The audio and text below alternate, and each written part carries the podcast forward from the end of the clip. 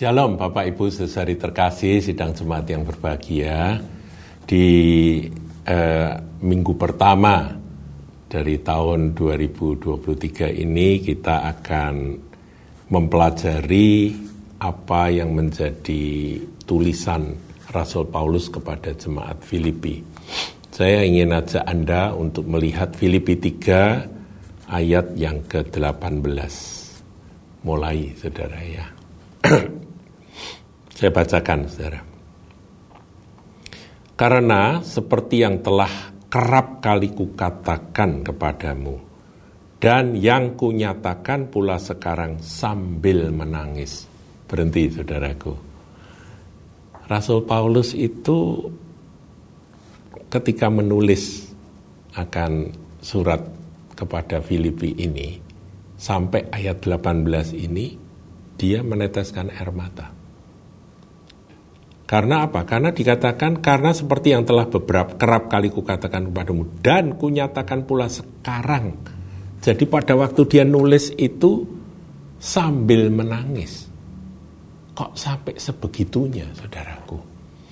Jadi Paulus itu begitu serius, begitu bersungguh-sungguh. Dia sampai menangis ketika dia menggoreskan akan penanya, menggoreskan akan alat tulisnya itu menulis surat Filipi ini.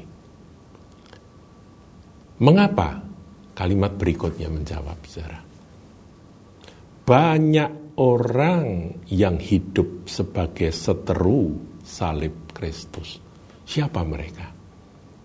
Seteru itu musuh, salib Kristus adalah pusat pemberitaan Injil, ya kan? Tentunya Paulus tidak uh, maksudkan bahwa yang hidup sebagai seteru salib Kristus itu adalah orang-orang di luar Kristen. Paulus sudah biasa kalau uh, menghadapi orang-orang di luar kekristenan yang mengolok-olok, mengecek tentang keyakinan kita terhadap salib Kristus itu. Itu biasa. Tentunya Paulus tidak akan memasalahkan itu. Tetapi kalau itu ada di dalam jemaat, itulah yang membuat Paulus menangis. Saudaraku, saya merenungkan akan ayat ini dan saya berpikir, jangan sampai kita sebagai jemaat Tuhan, sebagai gereja Tuhan, sebagai umat tebusan, kita ini tidak sadar menjadi seteru salib Kristus.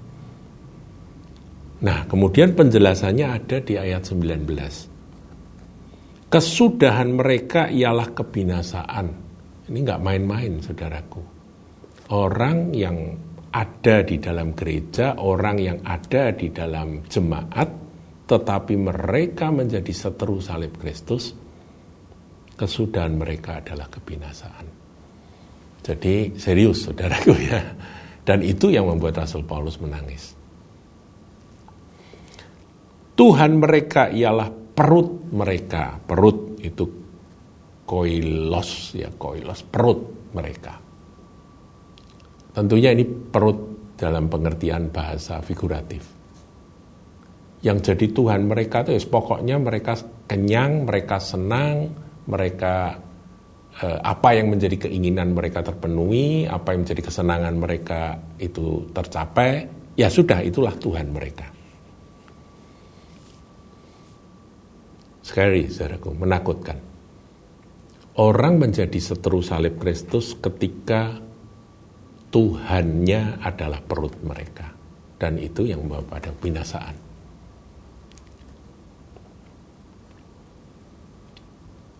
Seringkali kita mendengar ya, itu orang itu kok ngomong kok seenak perutnya sendiri begitu itu kan istilah figuratif juga ya bahasa kiasan artinya apa sak enak dewi, yaitu seenak perutnya sendiri kalau bicara. Kalau bicara itu asal saja, ngasal. Arti dari perut sendiri itu apa, saudara? Artinya maunya dia, kesenangannya dia. Apa yang dia anggap menyukakan dirinya, mengenyangkan dirinya, memuaskan dirinya Itu saja yang menjadi Tuhan mereka. Saudaraku, kalau kita tidak sadar dengan sikap seperti ini ketika kita menjadi pengikut Kristus atau menjadi murid Kristus, waspada saudaraku. Jadi orang Kristen tapi yang yang dicari adalah di, kesenangan bagi dirinya sendiri terus menerus. Kalau ada yang kurang memuaskan diri sendiri, marah dia. Karena Tuhannya ter, ter ini apa? tersinggung gitu ya. Yang jadi Tuhan itu bukan Yesus Kristus Tuhan, tetapi dirinya sendiri. Padahal Tuhan Yesus itu dengan jelas mengatakan kalau kamu mau jadi pengikutku, mau ngikut aku, syarat pertama sangkal dirimu, pikul salibmu, ikut aku setiap hari. Jangan nuruti apa yang menjadi keinginan dirimu sendiri saja. Saudaraku, kita ini punya keinginan tidak salah. Tapi keinginan itu harus kita bawa kepada Tuhan. Kalau Tuhan nggak berkenan, ya lebih baik kita letakkan, kita tanggalkan. Kalau Tuhan itu menjadi perut mereka, maka kesudahan mereka adalah kebinasaan. Kemudian kemuliaan, saudara. Yang kedua, kemuliaan mereka adalah aib mereka. Mereka bisa membanggakan akan kemuliaan-kemuliaan yang ada dalam kesementaraan ini. Bangga ini, bangga itu, hebat di sini, hebat di situ. Itu kemuliaan mereka. Tapi Tuhan berkata itu aib ketika mereka menjadi seteru salib Kristus. Nah, dijelaskan pada poin ketiga, yaitu pikiran mereka semata-mata tertuju pada perkara-perkara duniawi. Saudaraku, kita ini makin hari mengikut Kristus harus makin sadar bahwa kita ini bukan milik dunia. Kita memakai benda-benda dunia, barang-barang dunia, segala perkara sementara ini termasuk kekuasaan, termasuk uang di dunia ini untuk kekekalan. Jadi bukan kita stuck dan kemudian menjadikan perkara-perkara duniawi yang sementara itu kemuliaan dan kebanggaan dan kesenangan itu nanti jadi Tuhan mereka adalah perut mereka sendiri gitu. Ingat salib Kristus. Ingat bagaimana Tuhan Yesus kita sudah disalibkan. Kemuliaan Tuhan Yesus pada waktu disalib adalah mahkota duri, penderitaan. Kemuliaan kita seharusnya harus bercermin dari apa yang ada pada Yesus Kristus Tuhan. Kemudian ayat 20, karena kewargaan kita adalah di dalam sorga, dan dari situ juga kita menantikan Tuhan Yesus Kristus sebagai juru selamat. Ini sudah saya bahas, saudaraku. Kita ini warga sorga. Kita ini bukan warga bumi atau warga dunia. Memang kita masih menginjak tanah, menginjak bumi, tetapi sesungguhnya sejak kita menjadi milik Kristus, sejak kita ditebus, kita ini adalah warga kerajaan sorga. Dan dari situ juga dari titik di mana kita dipindahkan menjadi anggota warga surga ini, kita menantikan meskipun dengan kondisi tubuh di bumi, kita menantikan Tuhan Yesus Kristus sebagai juru selamat. Nah ini yang sering kali uh, menjadi pertanyaan. Lo kan sudah jadi juru selamat Tuhan Yesus Kristus. Kan begitu saudara. Saudara mungkin bertanya juga, lu kok masih masih menantikan Tuhan Yesus Kristus sebagai juru selamat itu gimana sih? Bukankah Tuhan Yesus Kristus adalah juru selamatku? Berarti dia sudah, ini kok masih menantikan. Nah kemudian Jawabnya ada di kalimat di ayat 21 yang akan mengubah tubuh kita yang hina ini. Saudara sadar apa enggak bahwa tubuh Anda, tubuh saya ini hina? Secantik apa pun, setampan apa pun, kita akan menjadi tua. Tadinya sehat luar biasa, pasti ada waktunya kita menjadi lemah. Dan itu yang harus dihadapi oleh semua manusia. Makanya Rasul Paulus katakan tubuh kita ini hina.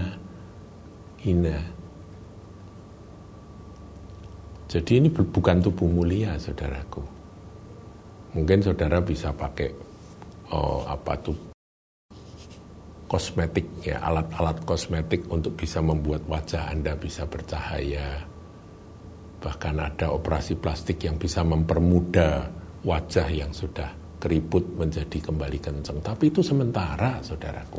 Saya tidak anti loh, saya nggak nggak menyalahkan yang demikian. Itu oke-oke saudaraku itu usaha manusia untuk untuk memperbaiki yang kurang baik nggak masalah saudara tetapi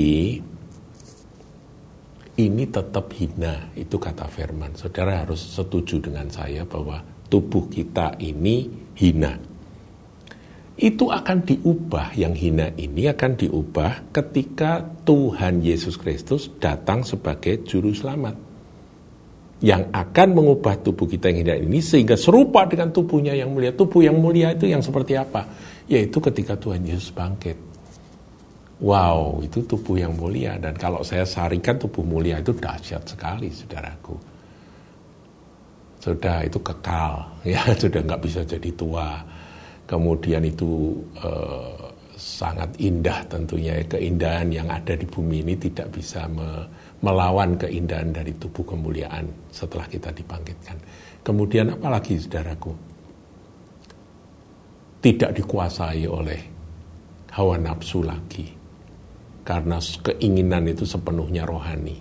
Udah nyatu dengan Tuhan Yesus. Dapat menaklukkan segala sesuatu itu adalah tubuhnya yang mulia menurut kuasanya yang dapat menaklukkan segala sesuatu pada dirinya. Semuanya takluk pada diri tubuh yang mulia. Itu nanti Tuhan akan karuniakan tubuh yang mulia itu pada kita, saudaraku. Ini awal tahun 2023 kita merenungkan akan hal ini, saudara. Alangkah indahnya.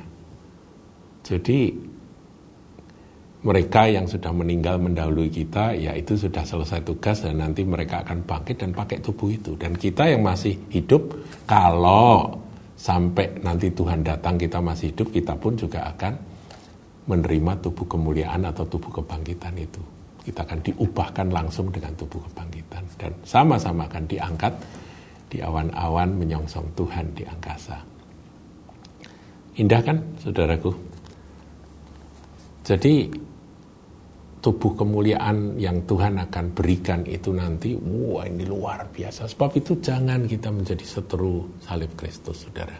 Mencari kemuliaan dalam kesementaraan ini stop saudara. Kalau sudah diberkati, saudara bisa uh, punya harta yang berlimpah untuk bisa menikmati, nikmatilah saudaraku. Tetapi ingat bahwa itu sementara. Dan jadilah berkat bagi banyak orang yang mungkin tidak seberuntung Anda. Nah, paling mulia dari tubuh kemuliaan adalah tidak bisa berbuat dosa lagi. Wow, itu yang paling saya nanti-nantikan, saudara. Karena dengan tubuh ini sering kali saya berbuat dosa.